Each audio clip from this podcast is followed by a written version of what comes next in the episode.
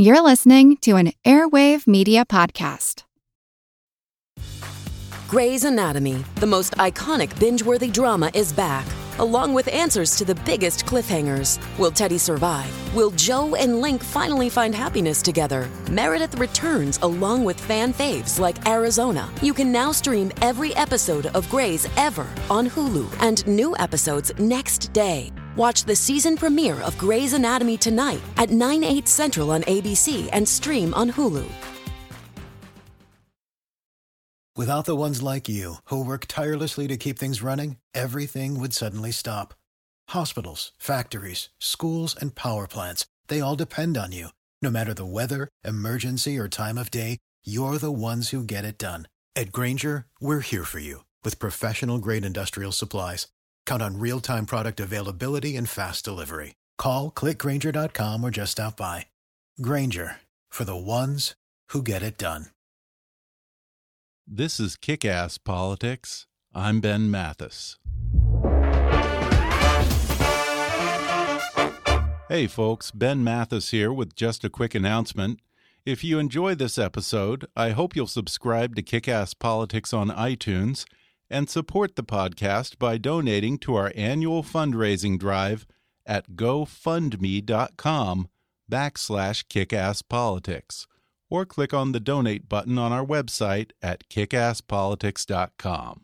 Thanks for listening, and now enjoy the show. Hi there, I'm Ben Mathis, and welcome to Kick Ass Politics.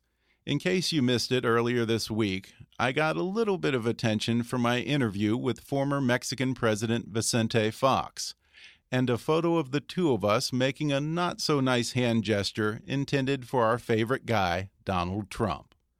Got quite a few emails over that one.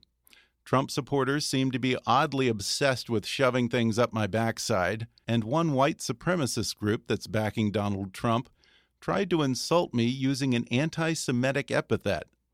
Not sure how relevant it was because I'm actually not Jewish.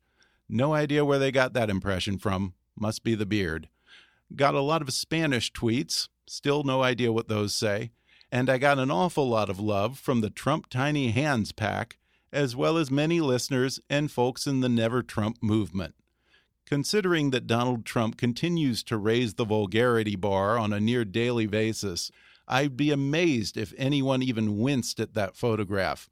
But if any of you, the listeners, were offended, then I apologize. To you but I do not apologize to Donald Trump.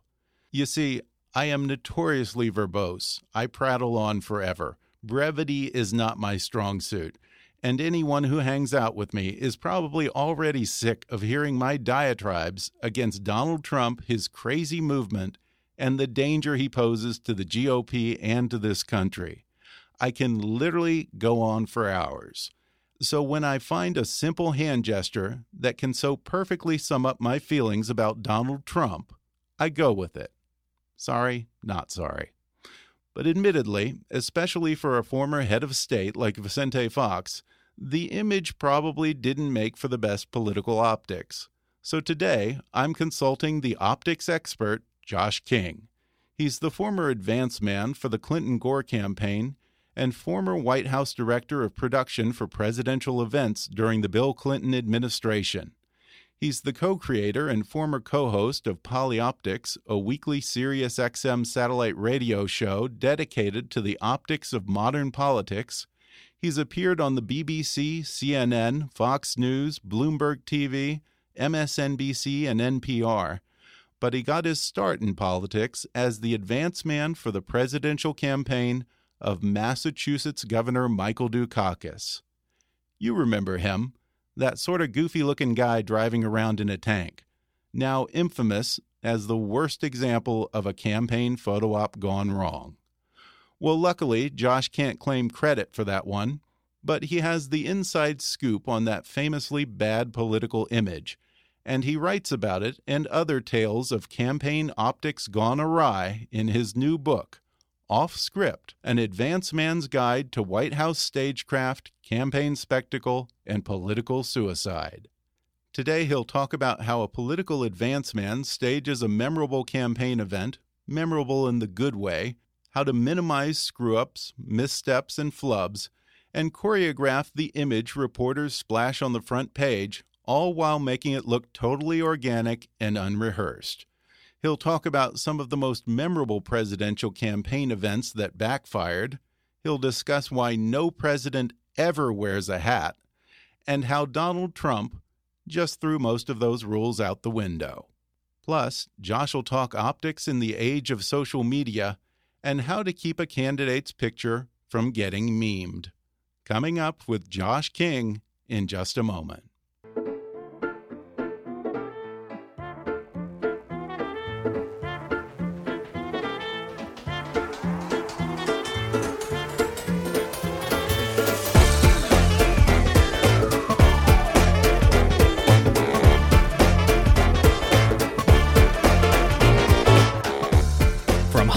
To Washington, it's time for Kick Ass Politics. And now here's your host, Ben Mathis. Today I'm joined by Josh King. He's a public relations expert. He's a former campaign advance man and former White House director of production for presidential events. He has a new book called Off Script An Advance Man's Guide to White House Stagecraft, Campaign Spectacle, and Political Suicide. Well, Josh, I appreciate your coming on the podcast. And I'll tell you, as I started the book, it kind of took me back to my days in film school because as an advance man, you weren't just there to wrangle supporters and set up the podium. You were basically producing the images that the campaign wanted to portray on the news each night and you talk about actually bringing a scope to visualize how a shot would look from the press risers, and you talk about storyboarding everything out. It's a lot like being a movie director.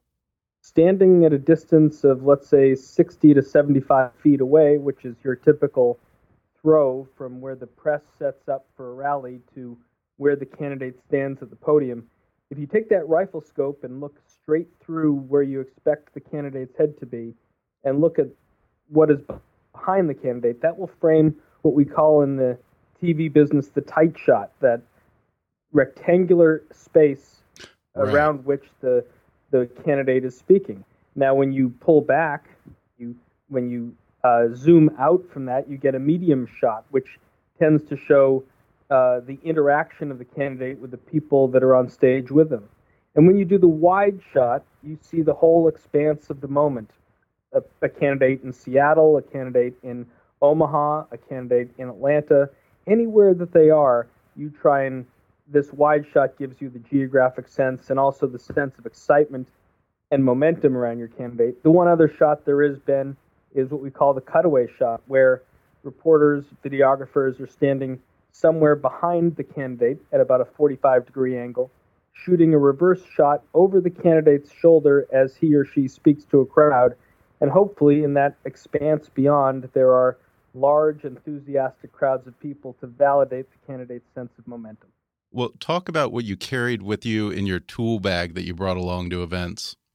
When I was uh, in my prime as an advanced person, I carried a large duffel bag full of tools. And whether that was a distance wheel that you used to measure off exactly how far your camera throws were, how large your uh, crowd area was going to be, how large your press area was going to be, the different chutes through which you would send the candidate uh, with bicycle rack barricades on either side, whether you would elevate that chute so that the candidate was walking atop a 12 inch or 18 inch riser, making them seem to be floating above the crowd. That was another tool that we had.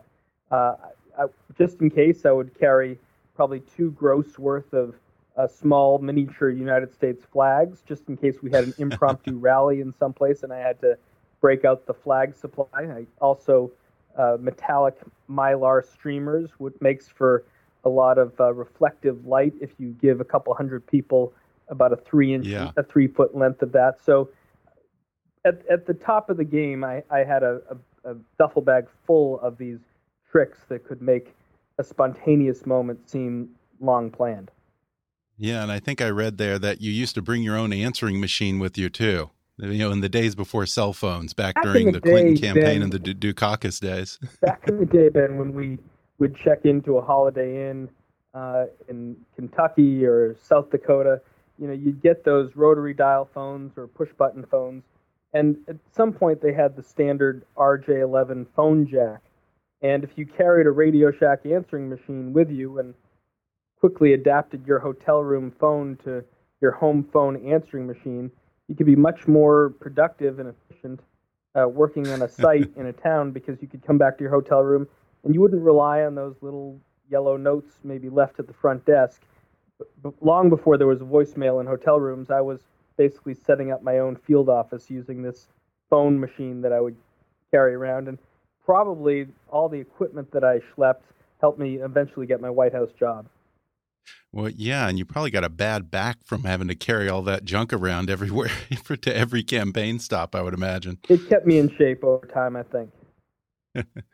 well, you talk about your crash course in optics when you went to campaign advance man school on the Dukakis campaign, which was your first big general election campaign. And apparently, there are four big rules to being a political advance man. What are those? Well, when you get invited to advanced school, it's it's basically like being invited to the Hogwarts of politics, where they teach you how to be wizards uh, in a in a in any kind of political uh, uh, location, whether you're at an airport tarmac or in a hotel ballroom or at the foot of Mount Rushmore or at the base of the Alamo in San Antonio, and you're learning about uh, the location of the available light. Uh, where is the sun going to be in the sky? How much do you need to augment it? You're learning about sound and how much it's important to basically uh, give the candidate a good, clean feed back to the press and have that well distributed to every camera that's there. You also need to know how to balance that sound with the rest of the crowd, and that was the big problem that Howard Dean faced in early 2004 yeah. with the Dean Scream. He was trying to project to 3,500 people at the Val Air Ballroom in West Des Moines, and while he was basically yelling out to these 3,500 people, the only voice, the only sound that the national media heard was this man's voice screaming through his microphone. You couldn't tell that he was basically like Jon Bon Jovi trying to sing to these people, and they were screaming right back at an even more elevated tone. But to the people in the control room back east, the producers watching, it was like Governor Dean was deranged, and that that unfortunately created the Dean scream. Yeah, the yeehaw moment. Yeah. When they're on the stump, they're playing to the crowd. They're not necessarily thinking about playing to the media and thinking about that night's news when they're out there in front of a crowd. They're living in the moment. Is it hard to get a candidate to think that way? You've got to take care of that for them, Ben. You know, a candidate does this three, four, maybe five times a day different locations, different sound vendors, different lighting vendors. And it's up to the advanced team to create a consistent set and consistent uh, engineering for each of these. And the worst thing that can happen is that whether it's Howard Dean or Donald Trump or Hillary Clinton, that they get up and they can't even hear themselves speak over the crowd. So you do have to figure out exactly how many people are going to be there, how much noise they're going to make, and balance that out for them with monitor reverse speakers on stage so that they can uh, they can hear themselves project yeah. to whatever level of sound is in that room so they're not they're not screeching. Yeah, yeah. I imagine that it's very hard for an advanced man to predict what the candidate's going to do or how they're going to perceive a certain situation. Um, you spend about a third of the book talking about the most infamous miscalculation in modern presidential optics, the famous Dukakis tank image. Uh, 20 years later, there have been a lot of different versions of how that came to be, and various people have claimed that they were the ones who tried to warn the campaign. You were an advance man for the Dukakis campaign. What went wrong there? What Governor Dukakis was facing was a real deficit in his polling on a key measure of would be a credible commander in chief, especially when compared to his likely opponent, Vice President George H.W. Bush. Bush, remember, was one of the youngest fighter pilots or bomber, bomber pilots in World War II, shot right. down over the Pacific, plucked out of the water by the USS Finback, went on to represent Texas in Congress, become Republican Party chair, envoy to China under President Ford, and also director of the CIA. So that by any measure, uh, George H.W. Bush was qualified and prepared to be commander in chief. Governor Mike Dukakis, on the other hand, was drafted into the Army, spent two years in Korea as a teletype operator during the armistice, uh, served his time honorably, of course, but left uh, military service behind when he began his career moving up through the ranks of, of Massachusetts politics. Had a great record as governor, scored well in these polls uh, on the measure of cares about people like me. But in that summer, it was a real debate in Dukakis headquarters about whether he should play to his strengths or try and shore up his weakness, which is uh, that we might entrust him to the keys of the U.S. arsenal. So to try and get a twofer, bring him to a state rich in electoral votes like Michigan, and there were 20 at stake, and he needed to win that state, and also do an event that would shore up his credentials as the commander in chief of the United States. Right. They went to General Dynamics and decided to give him a ride in an M1A1 Abrams main battle tank. And my friend Matt Bennett was the advance man. Matt tried to warn headquarters. Photographers tried to warn headquarters. The campaign manager, Susan Estrich, thought it wasn't a good idea. Bill, Governor Bill Clinton of Arkansas seemed to weigh in with Estrich. but on the other hand, there were the hawks in the Senate, like Sam Nunn of Georgia, uh, like uh, Carl Levin of Michigan, where General Dynamics had its home. And the people were seemed to be more focused on the speeches and the words than the photo op. And he gets into this tank, which Matt had done a dress rehearsal in and warned the campaign about that Governor Dukakis would have to wear a gray jumpsuit and a helmet if he was going to have his torso protruding at a 45 mile an hour drive. And uh, network news crews following this said, you know, this this is almost Reagan-esque imagery. And they all created two-minute packages for the evening news. And some people would remember that it wasn't that bad for Dukakis at that very moment. That indeed Right. he did have a pretty good day in the news that night. But in Washington D.C. at that very moment, a guy named Sig Rogich, who was then the advertising director for Bush Quayle, gets an idea and he starts writing on a yellow legal pad all the things that Dukakis has opposed uh, for Pentagon spending and other matters, and works on a script with a guy named Jim Weller. They present it to Roger Ailes. Then they acquire an independent cut of this footage from Sterling Heights. And five weeks later, during the third game of the World Series between the Los Angeles Dodgers and the Oakland A's, the tank ad appears. That's October 18th, Right. 1988. Remember. Dukakis was trying to mount a surge and a comeback, but this really puts the nail in the coffin. So the image didn't really live on beyond the initial, you know, say one or two news cycles. It, it really wasn't that damaging until they ran with it in paid media. Well, certainly the Republican, the Bush Quayle campaign thought thought they had an opportunity in the immediate day that followed and started to take advantage of it. They put out talking points uh, that day and for the three days that followed, faxed them around the country. Uh, and even Vice President Bush at the end, by the end of the week was mocking Dukakis on the stump. And by the Tuesday that followed, polling had showed that people who knew about the tank ride were less inclined to vote for Dukakis than they had before. But it, re- it but it really would have died there, Ben, had not the tank ad debuted five weeks later. Yeah, and and the optics problem there was that it was a huge tank. He was a little guy. When he puts on the helmet, he has you know exaggerated features with the bushy eyebrows and the nose. And some people compared him to Snoopy. Yeah, the the image that operatives had probably in headquarters was the 1971 film Patton, with George C. Scott playing the iconic general atop an M60 Sherman tank, and the, Pat, and George C. Scott was a much bigger figure, cut a much larger silhouette, and the M60 tank was a much smaller tank than the M1A1. Yeah, And when Dukakis gets in his M1A1, he's five foot eight inches. The tank is uh, is seventy thousand pounds, and um, and he does look like a peanut uh, atop that turret. And Yeah. there was a huge debate then about whether Dukakis should wear the helmet or not. Well, yeah, uh, they, the hat rule.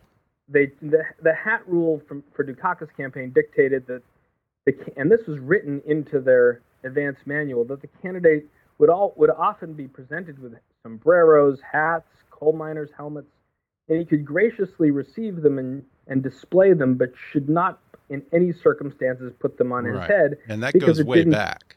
It didn't. It, it went back to the beginning of their campaign. And well, well, it goes back to Calvin Coolidge. You said it goes back to Coolidge and wearing the Indian headdress. uh, uh, that photo is is uh, well available on the internet. Kennedy, yeah. John F. Kennedy, uh, famously swore off a, a, a, top hat at his inauguration day because you know he wanted to strike a new look for a new generation.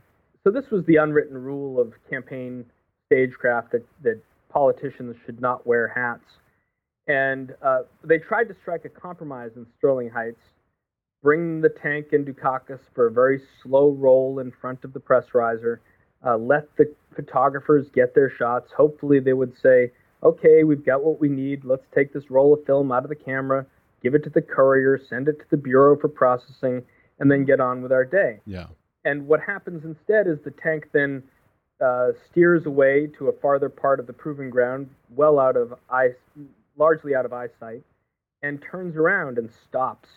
And the trip director of Dukakis, uh, of the Dukakis campaign at that point, Jack Weeks, said, you know, holy f, uh, looks like the tank has run out of gas. This will this will be a terrible headline. But no, it's just pausing to allow the people atop the tank to put on their helmets, so the tank can then go on its high speed roll.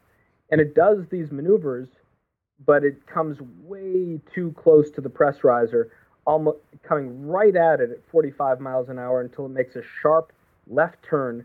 Its 105 millimeter howitzer almost decapitating the reporters that were on the press riser, but getting close enough for them to get this grinning, smiling shot of Governor Dukakis, his helmet with a large white stenciled label on it that says Mike Dukakis, that looks like a guy, frankly, trying to look more like Pete Maverick Mitchell of Top Gun than uh, than a credible commander in chief. Well, we're going to take a quick break, and then I'll be back for more with Josh King. Back in just a moment.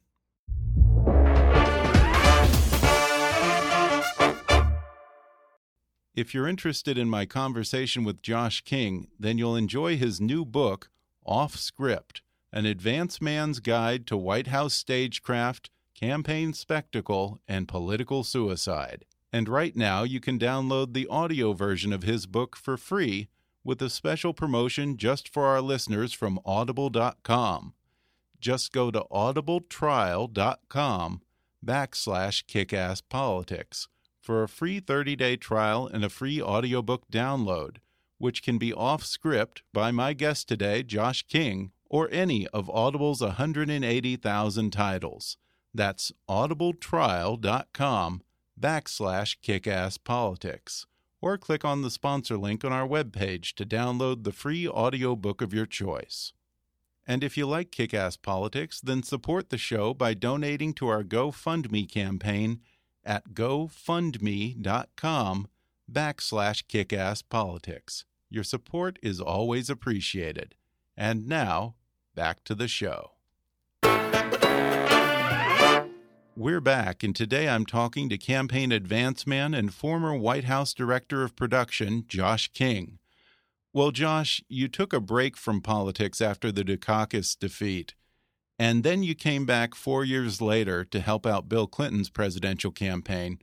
And he was helped in no small part by some unfortunate optics on the part of George H.W. Bush, the famous debacle around the grocery store scanner. Uh, you talk about that as a case where the truth of the image never really caught up with the lie, which certainly speaks to the power of imagery. Uh, it wasn't as simple as the popular version of events that Bush just hadn't been in a grocery store in ages and was completely befuddled by an ordinary checkout scanner, was it? It's the biggest misconception in political stagecraft, Ben. And, you know, but for uh, the life that he had lived and the opportunities that he had, he's just like us. So when Bush uh, is in a tough spot early January 1992, the Gulf War is history, the economy is headed for a tailspin, his polls are in the decline. He goes to Japan. He vomits in the lap of Kiichi Miyazawa, the prime minister, comes back to Washington, gives his State of the Union address, complete with an economic recovery plan, then goes out into America to try and sell it. His stop takes him to Orlando, Florida, and the National Grocers Association convention. And you know what these are like, Ben. You're about to speak to several thousand delegates in the in a convention hall, but you want to be a courteous guest and walk through their exhibit tour and Right. show that you're interested Right. in what they're doing.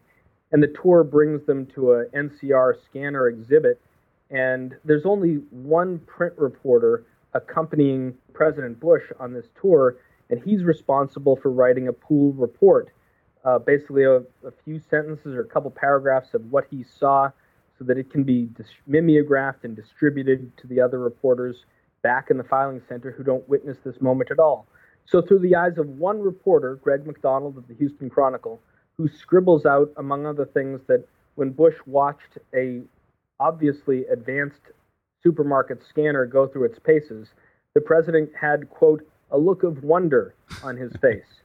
And whether Greg was just trying to write funny or Bush was just trying to be polite, this was by no means he doesn't know what a supermarket scanner is. He's being any kind of a dutiful visitor to someone right. else's Asking home or exhibit. Yeah. And then back in the filing center where all of the major newspaper reporters are trying to file their stories, Andrew Rosenthal of the New York Times picks up this pool report, watches the video, and makes comes to his own conclusions, having not witnessed it in person, that then turns into a front page New York Times headline the next day. The banner says Bush confronts supermarket, comma, amazed. And the story accentuated and brought to a new level this idea that President Bush was out of touch. President Bush may have, you know, lived a very different life than uh, all of us, but certainly not because Right. he was a courteous visitor to a supermarket Right. scanner exhibit at a at a trade show. Yeah, and that was one of the things that got your boss at the time, Bill Clinton, elected, and you were his advance man. When you were an advance man for Clinton, were there any specific things that you were told to avoid, such as, say, pretty young girls in a crowd, any particular interactions or uh, images that that you wanted to avoid that were somewhat specific to Bill Clinton? I mean, not really. Uh, Clinton Clinton loved to dive into what we call the rope line, that uh, expanse of people that are right behind a, a barricade in front of his stage, and because he knew, frankly, that the more people whose hands he shook or hugs he gave or babies he kissed, that these people would have memories that last a lifetime. Mhm. Uh, and so, you know, sometimes you have the luck of a draw that when he starts to work a rope line and you have the traveling press pool up on the stage that he had just occupied and they've just got their lenses trained on him, that they may see, you know, interactions with people that could be taken out of context. One of those interactions, of course, was sometime in 1997 uh, when he's working a rope line and, and has a, a hug with Monica Lewinsky. And, you know, that's a picture that happened because uh, it happened out in public. But, you know, that helped inform a lot of stories that came after that. Yeah. But, but mostly traveling with, with Bill Clinton, you just knew to allow him to do what comes most naturally to him, which is to shake as many hands as possible, have as many quick conversations as he can. And this was covered from curtain to curtain by the press pool that shadowed him all the time. Yeah, and you left, I think it said just uh, around the time or before the time of the Lewinsky scandal. When that broke and you watched his uh, televised deposition or his televised address that he gave in the wake of that scandal, were there any things that you would have told him to do or not to do had you been there? Well, I wasn't there, and they didn't ask me, and that got into some um, tricky situations. President is going to be deposed. How is a president going to be deposed? Yeah. What's he going to say? What will happen to that video? You know, will it stay as part of just the grand jury evidence, or will it be made public? So, you know, that is really out of the realm of what an advanced person can try and do. We we can we craft these moments out in public, but there are a lot of things that happen uh, in legal proceedings that are you know Right. above our pay grade. Well, and also the I believe, as I recall, the tie he was wearing, it later came out was given to him by Monica Lewinsky. And I think that speaks to something that I, I want to ask you about because, particularly in the age of the internet and citizen journalism, the backstory of an image can be every bit as damaging. It can ruin a perfectly good uh, photo op. Well, I mean, think of a couple things, Ben. Uh, think of, obviously of Gary Hart and Donna Rice and Bimini. Uh, right. The picture that eventually came out of them with Ms. Rice on Senator Hart's lap was bad enough. The fact that Hart was wearing a shirt that said Monkey Business Crew uh, made it all the more memorable. Had he just been wearing a golf shirt, it might not have had as much, st- well, of course it would have had staying power, but we remember it because it, it identifies the boat, and the, the boat could have been named like North Star, and it would have right. not made as much sense. Right. When President George W. Bush goes off to the USS Abraham Lincoln at the end of the cessation of combat operations in Iraq, and he speaks in front of a banner that says "Mission Accomplished." That banner was placed there for the Abraham Lincoln because it, the Lincoln had completed its deployment, the longest deployment of a carrier since Vietnam. But it was no accident that the White House placed the news cameras in exactly the right uh, angle and line to pick up mission accomplished to imply photographically and visually that the U.S. mission in Iraq was accomplished. And there were very few people by the end of President Bush's time in the White House that ever thought that was a good idea. Right, um, or I think and, of uh, the plastic and, turkey too.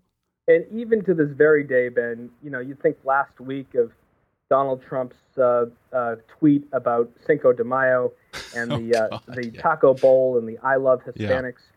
There was a lot to think and say about that picture, that tweet, those very words that he chose. I mean, interestingly, you look under the under the taco bowl. There's a pile of newspapers, and under the pile of newspapers, there's just right. a tiny little bit of a magazine. You can see a picture in that magazine, and it's a picture of a woman in a bikini. That woman happens to be Marla Maples, his ex-wife. so what was that doing there? I mean, who decide who thought that that was a good idea that to even allow that to be seen? Because of course that's going to be picked apart by the internet. Yeah, I mean, I, I, don't know. Does that tell us that he still uh, has a thing for her, or he's secretly pining for his second wife? I mean, but it, the it shouldn't it shouldn't tell us anything except that it's weird. Yeah. And that. Uh, well, everything is with him. I mean, we, the rules you know, don't seem to apply. Does that frustrate you? All the stuff, all the rules that you have, you know, built your career on over the past 20, 30 years, suddenly overnight no longer seem to apply to this one candidate. Ben, it is what it is. The rules that, that have been built up over time for advanced people helping career candidates are because career candidates are not natural celebrities. Donald Trump, in the 40 years that he's been a public figure, you know, has figured out how to act and comport himself in public in a way that builds and enhances his brand. And so far be it for me to question the success that has brought him from nothing to the point that he is at now. You never see him outside of his blue suit, except where he wears khakis and a, and a golf shirt to go to places like the border. You never right. see him chowing down on a on a slice of pizza in public he's very careful about what he does, what he says uh, in general, appealing to the people that he's trying to talk to, and um, and he's certainly figured out over 15 years of being the star of a highly rated reality show what works and what doesn't optically to appeal to the people of the Republican primaries who had to give him wins in these primaries and caucuses. Will that work in the general election? Probably not. He may have to conform more to the rules. So I think in, he's done what works for him. Uh, certainly, when his 757 with the Trump livery touches down in small cities and towns around the country, they come out partly because they're interested in who the next president might be, but they also want to see a bona fide celebrity who's built his brand over this long period of time. We'll, yeah. we'll have to wait until November to see whether what was successful in a closed primary and caucus process will, in fact, re- result in more than 270 electoral votes that would win him the presidency. Well, yeah, and you end the book with uh, a rethinking of the traditional hat rule. You say Trump, who wears his Make America Great hat probably at least half of his campaign events, led you to something of a revelation about the old hat rule. Yeah, the old hat rule, Ben, that started off the book that preoccupies the thinking uh, of whether Mike Dukakis should get into a tank and wear a helmet seem to be that can- presidential candidates and politicians should never wear hats. And as I reflected on this last year, since last June, when Donald Trump announced candidacy and wore basically his campaign bumper sticker on his head at all these events of which you speak, and the hat is not the most attractive hat in the world, not the most attractive head of hair in the world, it's not the most attractive person in the world. But you know what? People can question his politics, people can question uh, the things he's said, people can not like him at all. But what you can't say is that he's not very much himself in all of his appearances. And he's a guy who's frankly comfortable in his own skin. And whether he wears a hat or not, I think I realized as I wrote the last few pages of the book that it was never about the hat.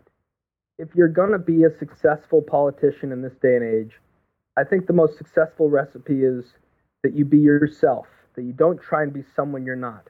Mike Dukakis wanted us to believe back on September 13, 1988, that he might be a credible tank commander in the mien of George S. Patton. That wasn't him, and he paid the price for it. Donald Trump is a bona fide celebrity uh, who has achieved a lot to build his brand. How could you and I question a guy with 9 million Twitter followers? He's had great success up to this moment. Will this carry him past a person who is genuinely perfectly prepared to be president based on her resume and her experience? This will be the ultimate test, I think, between someone yeah. who is very comfortable with who he is versus a person who would rather be, you know, in the in the trenches of policy making and, and administrating government rather than going out and selling yourself to the people. And I have to think, you know, in this age of reality television and social media, certainly there must be a lot of pressure on people in your job to make these traditionally staged campaign events at least appear very organic. It's very tough. Um, there are just a couple of different tools in the toolbox about how to present a candidate on any particular campaign day. I always tried to be as creative as possible. I always tried to match what the candidate was doing with the area and place in which he or she is. Uh, I tried to make sure that there were independent photographers who could capture as many moments as possible to because uh, the more opportunities they had, likely the better pictures there would be. Uh, but I, and I think this is a testament to Bill Clinton's success over so many years that it was not so much about the stagecraft and the production and someone like me building his platforms or setting up his lighting trusses.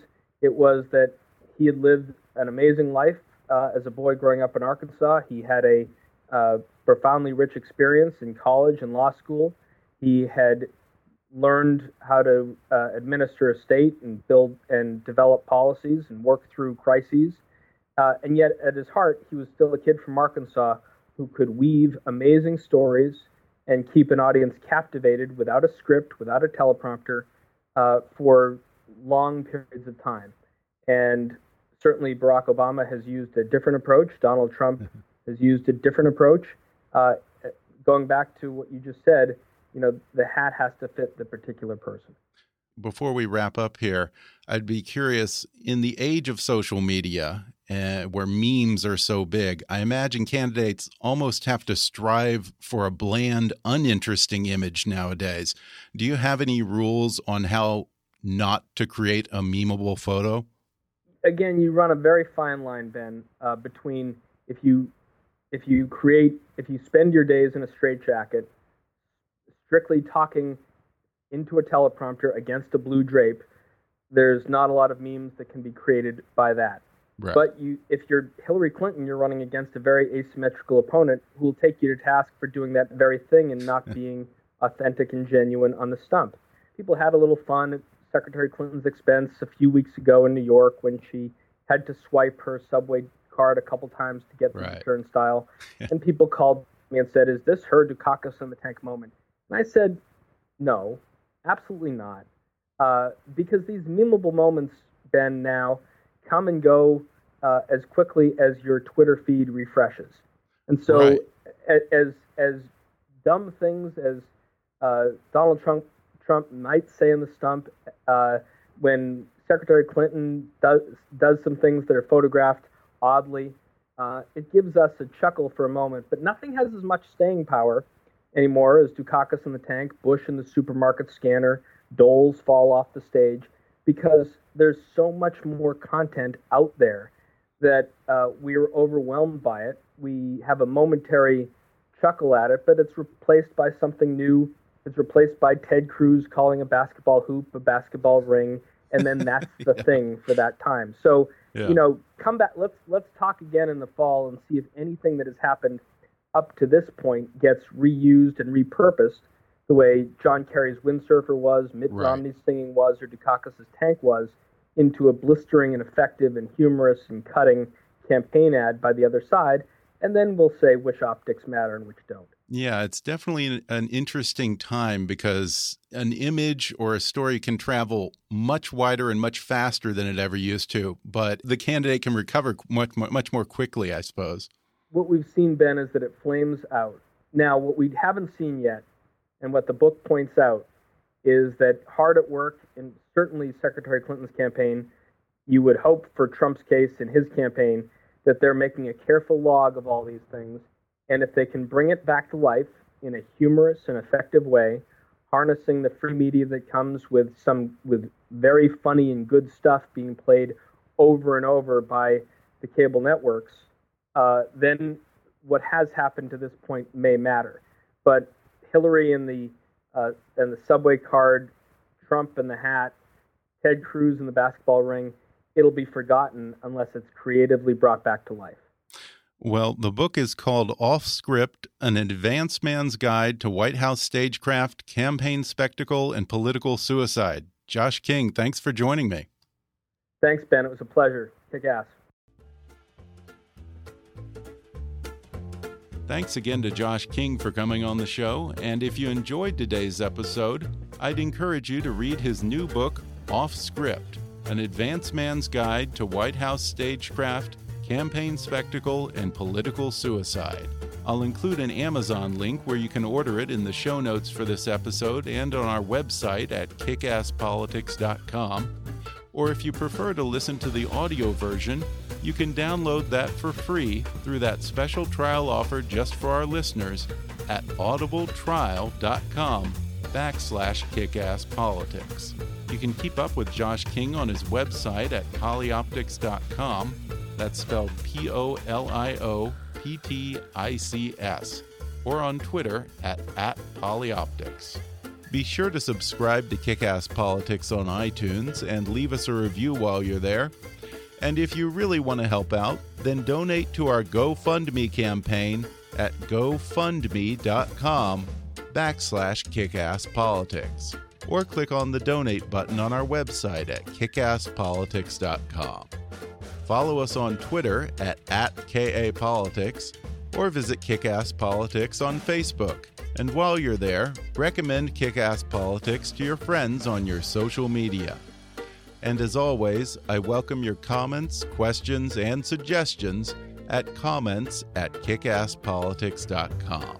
But for now, I'm Ben Mathis and thanks for listening to Kick Ass Politics.